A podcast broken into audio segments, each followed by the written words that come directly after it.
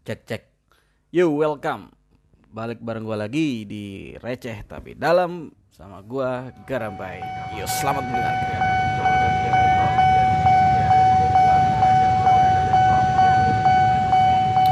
Oke, halo teman-teman. Eh, balik lagi sama gua di podcast gua receh tapi dalam sama gua Garambai ngobrolin hal-hal yang pengen gua obrolin, yang biasanya gua obrolin di tongkrongan dan gua sampaikan di podcast ini. Jadi ini semacam diary gue juga.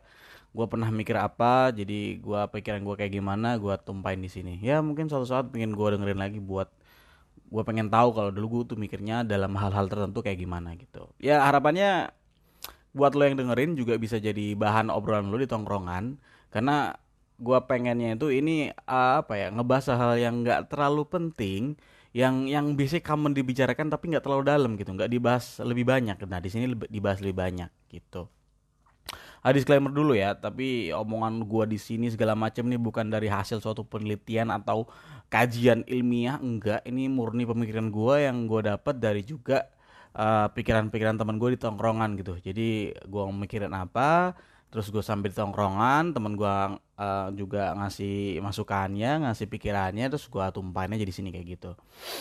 Hmm, oke, eh, gua ngetek podcast ini pagi-pagi, belum mandi, sebelum kerja ya penting banget ya pagi-pagi gue daripada tidur ya udah gue ngepengen ngetek podcast ini aja. Um, gue sekarang mau konser ngebahas tentang kerjaan. Wih penting banget ya nggak receh ya ngomongin kerjaan ya tapi nggak sih bukan bukan tentang kerjaan doang sebenarnya cuman eh yang membuat gua ngebahas ini gara-gara masalah pekerjaan kayak gitu Em, apa ya gua ngebahas tentang salah satu ekspresi manusia yang disebabkan oleh beberapa hal gitu. Gue fokus kepada ekspresi marah ya kan. Marah tuh gam, eh, umum dong, semua orang pernah marah gitu. Jadi memang marah itu adalah suatu bentuk ekspresi manusia yang ditumpahkan atau dikeluarkan gara-gara ketidaksukaan, biasanya kayak gitu. Eh, kalau orang-orang marah biasanya gara-gara dia gak suka akan sesuatu atau dia dijahatin atau dia ngerasa bener tapi salah atau dia emang salah dan merasa salah jadi, jadi bentuk ekspresi marah tuh macam-macam ya kalau di mot eh, di jalan lu dis, disalip sama motor tapi agak ngawur nyalipnya juga kita kan marah ya ya kan kayak gitulah. Kita mau makan makannya habis marah ya kan. Ya, kecewa segala macam tapi kayaknya ini fokusnya ke marah gitu. Nah orang kan macam-macam ya. Orang tuh marah itu ada yang emang pemarah atau emang nggak pernah marah tapi suatu saat marah gitu. Kalau kata orang orang-orang yang biasanya nggak pernah marah kemudian akhirnya marah itu bakal marahnya tuh gede banget. Eh ya orang biasanya nggak pernah diekspresikan sekalinya keluar itu kan berarti udah kebangetan meledak lah marahnya. Tapi ada juga orang yang dikit-dikit marah. Bahkan dikenal orangnya pemarah dikit-dikit apa ya jutek dari awal jutek. Ada sedikit masalah langsung marah ada sedikit apa ngamuk kayak gitu kan. Ada juga. Nah itu orang macam-macam. Gua nggak tahu lo yang mana. Tapi lu bisa mungkin mungkin bisa mengidentifikasikan teman-teman orang lu kayak gimana teman kerjaan lu gimana bos lu kayak gimana temen kosan bokap nyokap lu adik kakak masih macam-macam dong. Nah gue juga dulu tuh orang yang gue yakin gue tuh pemarah. Dikit-dikit marah sih. Tapi yang gue sadarin sekarang sih jarang. Karena gue sadar bahwa emang emang dengan marah meluapkan emosi entah ngamuk kayak gimana itu itu nggak ada bagusnya. Nggak nahan diri terus kadang-kadang malah juga ada yang rusak segala macem. Itu ya standar lah orang-orang marah kayak gimana sih gitu. Jadi kenapa orang marah? Kadang-kadang mereka emang gara- marah gara-gara eh, ada hal-hal yang nggak cocok nggak setuju. Mereka nggak pas sama hal-hal tersebut tapi hal tersebut terjadi gitu. Ya gue paling gampang sih masalah tepat waktu ya. Kalau teman-teman gua ngumpul tapi nggak tepat waktu gua awalnya tuh marah banget sih. Kayak ya gue pernah bahas kan di podcast episode awal-awal dulu bahwa namanya tepat waktu itu penting gitu. Sekali lu nggak tepat waktu tuh ngerugiin orang lain gitu kan. Nah gue marah karena gue dirugikan. Biasanya kayak gitu. Meskipun gue bukan marah-marah yang ngamuk-ngamuk teriak-teriak enggak tapi bete aja pak. Jadi kayak moodnya jadi jelek gitu. Itu itu itu salah satu bentuk eh, marah sih sebenarnya memang. Temen gue temen gue marah kalau dia nggak dia keluar gitu kan ya receh. Emang emang uh, gue kalau keluar ke mana ngajakin dia. Gue keluar keluar ngajak uh, ke mana ngajakin dia. Terus dia nggak suatu saat nggak diajak gitu.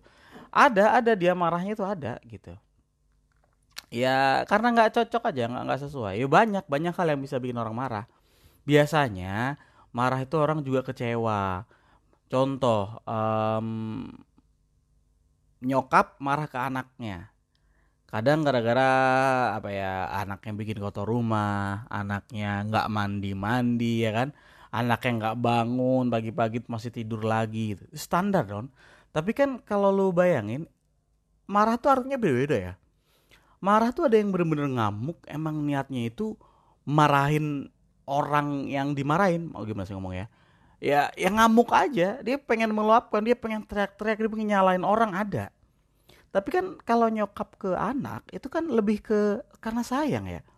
Ya sama sih suami ke istri, istri ke suami atau uh, dalam suatu pertemanan ada yang marah karena karena kita sayang. Contoh, kalau kalau ada uh, cewek ya, cewek biasanya cewek nih, gua nggak tahu si cowok juga juga eh sama sih kurang lebih. Si cewek dijahatin sama cowoknya ya kan terus si ceweknya nerima iya nggak apa-apa aku emang salah cowok aku yang bener gitu. Padahal si cowoknya udah kelewatan sampai main fisik kekerasan dan lain-lain. Teman-temannya marah dong sama si cowok tapi kan karena nggak ada si cowok dia marah sama si ceweknya gitu. Kenapa lu masih mau sama dia? Lu putusin aja kayak gitu kan. Itu kan salah satu bentuk marah yang karena sayang. Mungkin relate ya sama orang-orang atau anak-anak muda gitu kan ketika temennya ngob apa eh, cerita tentang pasangannya yang dia habis dijahatin tapi uh, dia tetap mau-mau aja gitu. Biasanya tuh dia, dia dimarahin sama temennya. Itu kan marah karena sayang. Tapi ada juga nih marah-marah yang emang apa ya? Lu tahu gak sih ada orang-orang yang kalau di jalan, kalau di motor ya, mobil atau apa pun, kalau klakson tuh panjang banget gitu kan. Emang dia marah-marah sama orang lain nggak tahu, tapi kalau pas di jalan dia luapin di situ. Itu kan juga marah-marah nggak jelas ya. Marah-marah karena sebel sama urusan dia sendiri, tapi yang kena orang lain. Jadi kan macam-macam alasan marah-marah uh, marah tuh kayak gimana. Tapi harusnya memang semua suatu kemarahan itu ada ada ada emo ada alasannya gitu.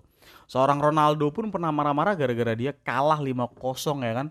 Lawan Liverpool dulu pas dia di MU dikalah sama Liverpool, dia marah-marah ngamuk sampai nendang siapa ya Arnold atau siapa gitu kan di bola standar dia marah kesel sama timnya gitu. Tapi kan yang diluapin ke orang lain. Nah itu salah satu bentuk-bentuk marah yang yang kurang bagus lah gitu kan. Tapi ada kan kalau di keluarga ada uh, pada titik tertentu kita harus marah sama anak kita kita marah sama saudara kita biar ngasih pengertian atau uh, peng, uh, apa, biar biar paham lah orang lain kalau mereka tuh salah dan jangan melakukan hal yang sama lagi kayak gitu ya lu pas lu pada pastilah pernah dimarahin itu siapa yang pernah dimarahin? Lu sama nyokap lu dimarahin dimarahin. Sama temen lu pernah. Lu marah ke orang lain juga pernah.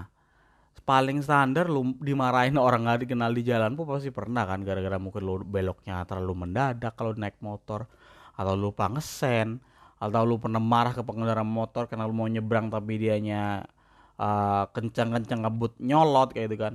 Standar lah. Pada dasarnya kalau nyolot sih udah tuh udah marah ya kayak gitu Nah, tapi efek yang di uh, efek yang ditimbulin gara-gara marah itu beda-beda, cuy. Nggak tahu ya, kalau menurut gue ini juga berdasarkan pengalaman hidup. Kalau menurut gue semua orang eh, semua anak kecil ketika dimarahin pasti nangis. Ketika dia dimarahin dia dia dia nggak suka dimarahin, dia takut, dia ngerasa salah dan dan ya mostly nangis ya gara-gara dia dimarahin ya namanya anak ya pastilah dimarahin kayak gitu kan. Tapi kan orang beda-beda ya kalau pas gede semakin gede anak ya nggak usah gede-gede banget sih mungkin lo SCSD atau usia SMP atau lu kuliah lu pasti beda nih. Ketika lu dimarahin contoh lah ya contoh dalam suatu perkumpulan ya kan lu dimarahin sama dosen gitu kan kalau di kuliahan. Itu ada lima orang efek dimarahinnya tuh beda-beda. Ada yang nganggep ya udah sih santai aja dia bacot doang ya. Palingan emang dia sering kayak gitu gitu kan. Ada yang bilang aduh gue ngerasa salah banget lagi. Iya ya aduh gue takut nih kalau gue nilainya E gimana. Ada gitu juga kan. Ada yang bilang udah udah santai ya kita udah dimarahin kita, kita kan udah sadar kalau dimarahin sekarang kita benerin dan jangan sampai ngulang lagi. Ada kayak gitu kan. Dan macem-macem lagi. Jadi orang dimarahin itu udah alasannya beda-beda dan efek dari orang yang dimarahin itu juga beda juga gue sadarin mas. Sadarin banget itu. Gue lihat tuh teman-teman gue beda-beda. Ini biasanya dari pengalaman hidup. Mungkin dia dari dulu udah sering dimarahin. Jadinya udah kalau dimarahin tuh kayak kebal aja gitu. Kadang juga dia pernah dimarahin lebih dari itu. Dimarahin parah sama orang yang lebih penting. Ketika dimarahin sama dosennya jadi ayo ah, ya udah sih dosen doang kayak gitu kan. Ada. Tapi ada yang orang yang halus nggak pernah dimarahin ya kan. Sekali dimarahin ya ya, ya sedih banget takut nangis ini cerita nyata ya gue punya teman kuliahan dibentak sama dosen pingsan cuy. Gua ya ya gimana gue nggak bisa nyalain orang ini dong gara-gara marah atau gara-gara dia dimarahin terus pingsan gue nggak salahin juga. Ya kan orang pengalamannya beda-beda kan ya, ini gue gue inget banget. Gue di kelas gue nggak tahu gue juga agak-agak ngantuk ya. Gue di kelas bukan orang yang dengerin dosen banget sih jadi pas di kuliah di kelas gue dengerin biasa aja. Terus tiba-tiba dosen gue ngamuk pak. Ngamuk ngamen nunjuk teman gue dan keluar kata-kata kotor dari dosennya gitu. Ngamuk lah pokoknya. Intinya keluar kamu. Kamu gak punya rasa hormat. Ini kayak gitulah ya. Teman gue keluar dengan rasa gue nggak tahu rasanya apa dia sedih apa dia takut apa dia malu tapi dia diem uh, ambil tasnya dia keluar ruangan pak keluar ruangan baru nutup pintu. Ini untungnya pintunya nggak kaca ya tapi di belakang Eh, ber, berlawanan sama uh, papan atau dosennya. Jadi di belak arah belakangnya dos belakang dosen. Untungnya ada orang gua temen gue yang ngelirik pak. Jadi pintunya kaca. Ya dindingnya juga kaca juga sih. Kaca-kaca gelap gitu loh. Dia keluar nutup kaca. Pingsan cuy di depan kelas cuy untungnya temen gue tuh ada yang ngeliat gitu. Kalau nggak ada ya sampai kelar kita sampai kelar kelas dia tiduran depan kelas. Kan kita heran ya kenapa nih orang nih? gitu. Ini tapi ini cewek ya bukan bukan cowok. Jadi panik pak sekelas. Tapi waktu itu sih dosennya nggak nggak ngerti ya dan dan dan bodo amat. Nah itu itu salah satu bentuk efek dimarahin ya. Jadi orang dimarahin tuh efeknya beda-beda. Nggak bisa kita samain. Jangan bilang lo ketika orang dimarahin terus dibilang lo bilang lemah ada orang lu marah lu nggak nggak paham lu lu nggak nangkep apa yang diomongin. Itu beda-beda sih. Itu itu subjektif dan dan apa ya masing-masing sih. Nggak bisa kita tabrak rata orang-orang dimarahin tuh harus kayak gimana gitu. Nah itu macam-macam. Kalau gue pribadi sih gue bukan orang yang mikir banget ketika dimarahin terus aduh gue dimarahin. Nggak kayak gitu. Tapi bukan juga ketika dimarahin gue nggak peduli sama kata-kata orang kayak gitu Nah, kenapa gue ngomongin masalah marah-marah? Karena ya beberapa waktu yang lalu sih gue di kantor abis diomelin sama bos gue ya. Tapi niatnya bukan bukan karena di, diomelin karena tanpa sebab bukan gitu. Emang emang gue punya kesalahan tertentu dalam dalam dalam bekerja gitu. Fatal dan menurut gue pun layak dimarahin gitu. Nah tapi apa ya? Yang menurut gue dan yang yang bikin gue ngebahas ini gitu. Pas gue obrolin sama teman-teman gue gitu itu emang uh, apa ya? Ya balik lagi ya sama kata-kata gue sebelumnya bahwa orang dimarahin tuh uh, efeknya tuh beda-beda gitu. kalau gue pribadi kan gue ngerasa salah sih emang gue ngerasa salah dan gue dimarahin ya udah gitu. Gue nggak enak sih gue nggak enak banget sama bos gue bukan tapi niatnya tuh bukan nggak enak karena gue dimarahin atau kayak gimana tapi ya kalau gue pribadi sih ya kok gue bikin kecewa bos gue sih gitu aja gitu. Nggak nggak sampai gue mikir aduh gue dimarahin enggak enggak, enggak gitu. Cuman gue tetap ya sampai gue dimarahin kayak gini gitu loh. Gimana sih gue kerjanya? Gitu aja gitu. Macam-macam dong. Tapi ada juga yang bilang ya udah sih dia biasa sih marah-marah lo lo nggak usah ambil hati gitu. Dan nggak ada perubahan juga dari dia yang bilang kayak gitu. Jadi niatnya ya udah sih. Ya udah dia cuma pengen dengerin gitu gitu aja. Ada yang kayak gitu. Nah jadi kan gimana ya gue gue memposisikan sebagai orang yang marah gitu. Lu bayangin ketika lu marah tapi lu nggak diwaro lu gimana lu? Lebih marah nggak sih? Lebih lebih sakit nggak sih? Lu udah apalagi orang-orang yang jarang marah ya. Lu jarang marah sekalinya lu marah lu nggak dianggap cuy. Padahal marah buat lu tuh effort banget. Effort buat selama nahannya saling keluar itu pun buat hal yang emang nggak pengen dilakukan sebenarnya gitu kan dan sekali dulu dikeluarin lu marah kayak gitu pun uh, lu nggak diwaro gitu. Ini nggak nggak masalah kerjaan doang ya. Contoh aja di tongkrongan sih. Lu bete nih contoh nih paling dasar. Lu bete gara-gara sesuatu hal di tongkrongan gitu. Jangankan lu nggak diwaro ketika lu marah tapi temen lu nggak ngeh kalau lu marah jadi dia bodoh amat lu sebel dong. Lu pengen dihargain lu marah ini setidaknya pingin pingin apa ya uh, dikasih treatment khusus lah karena lu udah dikecewakan sama orang lain orang yang mengecewakan setidaknya apa kek? Ya kayak minta maaf apa mau baik-baikin lah apa gitu biar biar mood kita balik lagi pengennya kayak gitu kan. Ini udah lu temen lu sadar lu marah tapi lu nggak diwaro coy. Wah kacau sih. Gue juga punya teman uh, kerja di, di di tempat lain. Dia marah karena rekan-rekan kerja yang lain itu melakukan suatu kesalahan tapi yang bikin lebih marah lagi teman-teman dia yang bikin salah itu nggak ngerasa salah cuy gimana jadi ini sih masalah kalau nggak salah waktu itu kurang lebih kayak gini ya sih. Jadi teman gue ini uh, udah udah ada janji sama klien atau apa pun itu, dia udah janji buat ke, ketemu klien di suatu tempat yang kurang lebih jauh lah dari kantor utamanya di head office-nya jauh. Pas pagi mau berangkat, ternyata dia masih diminta sesuatu sama bosnya ya kan. Diminta segala macam. Udah dia udah jelasin ke bosnya bahwa dia ada ada janji sama klien tapi sama bosnya ya udah ntar aja kita ke klien dulu di kantor dikasih ini kasih itu.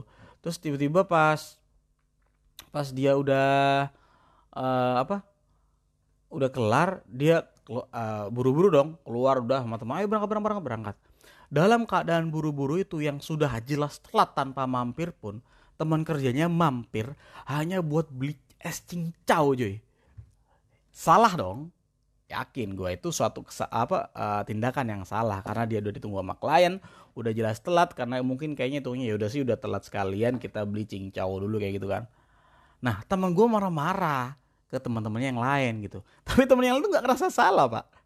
Lu bayangin dia udah marah karena mungkin dia BIC-nya atau apa dia yang megang uh, kontaknya sama si klien. Tapi pas dia di mau buru-buru keluar, eh berhenti hanya beli es. Gue yakin itu kalau gue sih juga marah ya. Tapi yang bikin sakit itu teman-temannya nggak ngerasa salah. Jadi kayak merasa, lu lebay banget sih lu marah. Nah itu itu itu sesuatu yang yang nyebelin juga ya apalagi itu kalau emang jelas itu salah benarnya itu jelas tapi lu sebagai orang yang benar tapi karena lu minoritas jadinya kurang dihargain. Itu itu itu juga salah satu bentuk uh, marah ya. Salah satu bentuk kesalahpahaman atau salah satu bentuk uh, crash di tempat kerja. Ya sebenarnya kalau di tempat kerja itu wajar ya. Antar rekan marah-marah itu itu gampang banget. Karena konsepnya kalau kata orang ya kalau lu jadi karyawan ketika lu bener lu nggak ada pujian atau nggak ada nggak ada sesuatu uh, penghargaan yang lu kasih yang dikasih ke lu kalau lu bener. Tapi lu kalau salah lu abis cuy. Lu dimarahin. I wajar emang bener.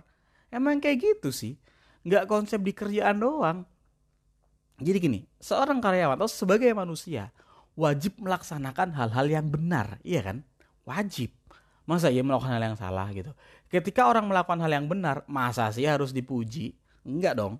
Karena emang dia bener dan harusnya emang bener gitu ini suatu kewajiban gitu. tapi kita kalau salah lu pasti ditegur. Kalau naik motor nggak pakai helm emang polisinya bilang bagus nak. Kamu pakai helm. Kamu pinter. Kamu memang banutan enggak dong. Enggak polisinya kayak gitu. Tapi kalau lu nggak pakai helm lu panggil prit.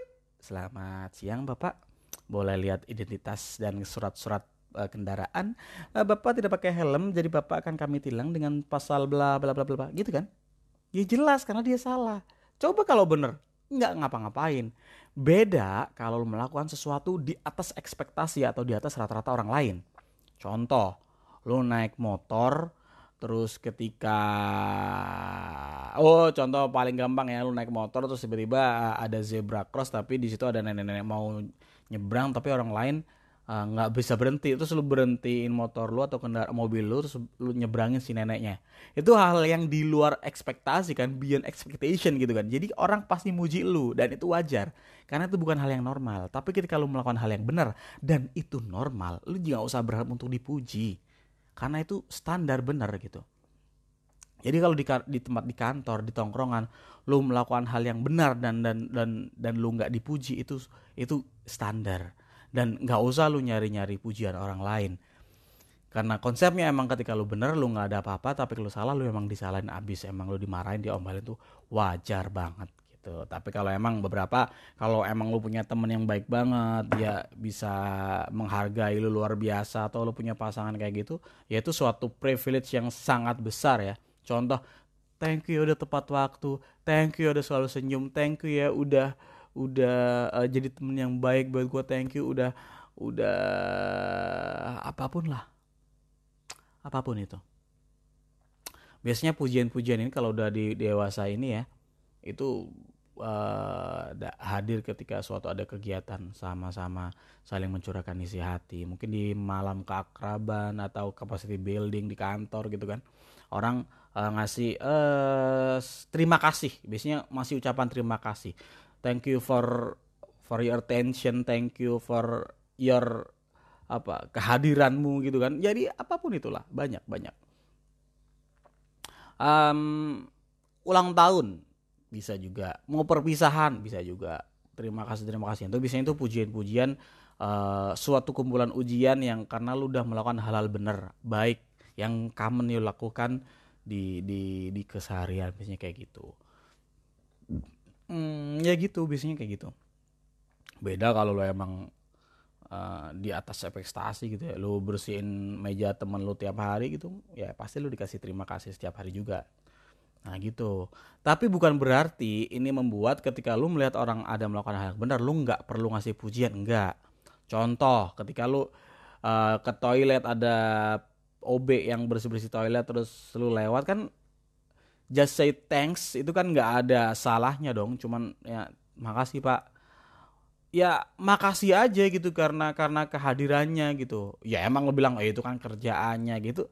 Ya udah sih apa sih susah bilang makasih ya gitu. Bukan bukan berarti pak anda bekerja dengan baik toilet jadi bersih saya nyaman boker saya bisa lama di kamar mandi. Enggak enggak kayak gitu. Itu kan berlebihan. Just say thanks kayak orang ketika lo di kantor pun tiap mau pulang thank you ya buat hari ini thank you ya gue pulang pulang dulu ya uh, thank you ya buat kerjaan lo hari ini itu kan juga biasa.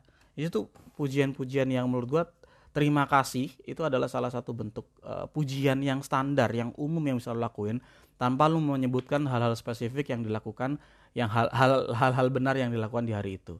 Santai aja biar, biar bilang terima kasih. Itu itu itu paling gampang mungkin orang-orang yang uh, bilang ah gua kalau marah apa kalau salah dimarahin kalau bener mah nggak ada pujian-pujiannya. Mungkin dia membandingkan sama anak-anaknya yang masih bocah umur 2 umur 3 dia membandingkan sama ponakannya sama tetangga yang masih bocil ya gitu kan.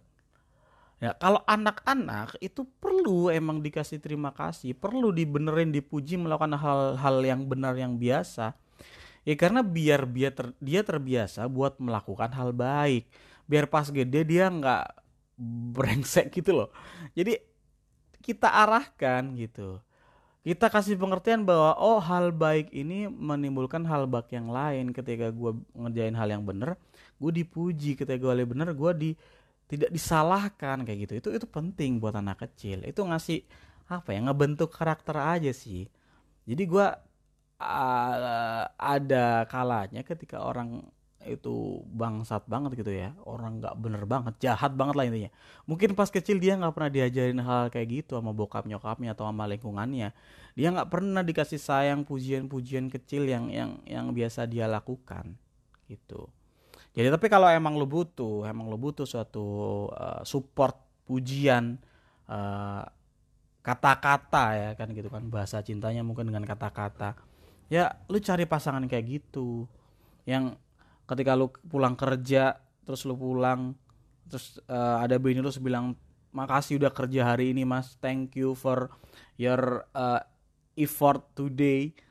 Makasih udah menafkahin kami. Ya kayak gitu gitulah mungkin mungkin ada ada orang-orang yang seperti itu. Gue yakin ada sih.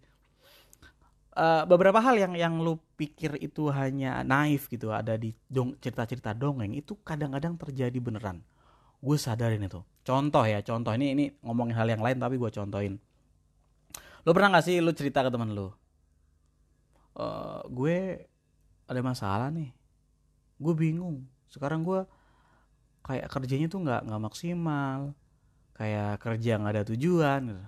lu pernah nggak tiba-tiba teman lu nih teman lu tiba-tiba megang megang tangan lu dengan erat menatap mata lu dengan dalam terus lu bilang gini bye coba kamu ngomong sama cermin. Apa yang kamu inginkan dari awal dulu? Ingat lagi gitu. Coba kamu ngobrol aja sama diri kamu sendiri. Satu bayangan gue uh, hello ini dunia nyata perlukah gue melakukan hal-hal kayak gitu? Gitu kan. Maksud gue itu kan di film banget gak sih film dicerita dongeng ketika lu dipegang tangannya lu tatap dalam-dalam dia menatap mata lu dengan dalam dan ngasih nasehat yang dalam banget yang kayaknya tuh eh hey, hey, naif banget gitu loh. Nggak ya gimana ya gue gue jadi geli sih. Tapi dia melakukan itu cuy. Dan ketika gue bilang ini kayaknya terlalu banyak orang film enggak dia emang melakukan itu dan itu berhasil buat dia gitu loh. Jadi kayak beberapa hal yang yang lo anggap itu kayak terlalu dongeng terlalu terlalu film itu juga terjadi di dunia nyata gitu. Nah, gitu itu aja ada juga gue yakin juga ada orang-orang yang bilang terima kasih setiap hari, terima kasih atas kerja kerasnya hari ini. Dan kadang itu nggak datang dari orang lain loh. Kadang dia juga apa ya self reward aja. Ya ucapan terima kasih buat menghargai kerja, kerasnya hari itu. Tiap dia mau tidur contoh contoh gue namanya Garambai terus gue tiba-tiba ngomong sama gue di sendiri dalam mau tidur udah gelap terus bilang uh, makasih Garambai lu udah melakukan hal yang baik hari ini uh, besok lakuin lagi. Lah itu juga beberapa orang melakukan itu loh. Kayak ada treat uh, apa apa apa ada ada ada manfaat dari situ. Tiap orang tuh beda-beda gitu aja.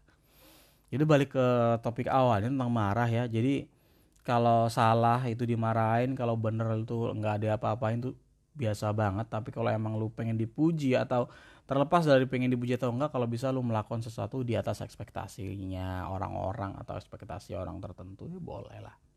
Gitu. Ya gimana sih? Ya paling gampang coba lu bisa melakukan hal-hal seperti yang lu lakuin depan gebetan lu atau sesuatu yang orang yang lagi lu PDKT PDKT-in PDKT-in ya bener itu pasti lu bakal melakukan sesuatu di atas ekspektasinya gitu kan. Ya kayak gitulah. Kalau bisa melakukan untuk semua orang cakep banget sih. Ya gue sih nggak bisa. Jadi kayak ya udah sih marah itu biasa aja. Dimarahin itu juga hal yang paling normal. Kalau dimarahin nggak usah sakit-sakit banget gak usah sampai sedih-sedih banget. Tapi ketika lu dimarahin lu jangan jangan nggak ngewaro gitu. Ada kata-kata dia yang ada benar juga. Ya introspeksi diri lah. Itu salah satu teguran yang yang berasal dari orang lain. Entah itu disampaikan secara langsung atau enggak tapi itu juga harusnya bermanfaat buat lo tuh. Tapi sekali lagi ya meskipun lu marah atau lu dimarahin jangan terus-terusan cuy lu bego kayak gimana? gitu melakukan hal yang salah berulang-ulang. Bukan berarti lu tukang marah dikit-dikit marah lagi marah lagi marah lagi gitu. Ya jangan terus-terusan lah. Orang-orang macam-macam lah marah tuh perlu ya kadang-kadang. Kalau bisa sih marah tuh disimpan banget sih pada hal-hal yang penting jadi ketika lu marah itu buat bukan suatu hal yang biasa buat lu dan itu buat orang lain juga dan itu berarti penting gitu. Marah lu tuh penting gitu. Jadi penting. Kadang marah itu punya peran yang yang bagus gitu. Tapi kalau punya pasangan jangan dimarahin terus ya. Kasihan cuy.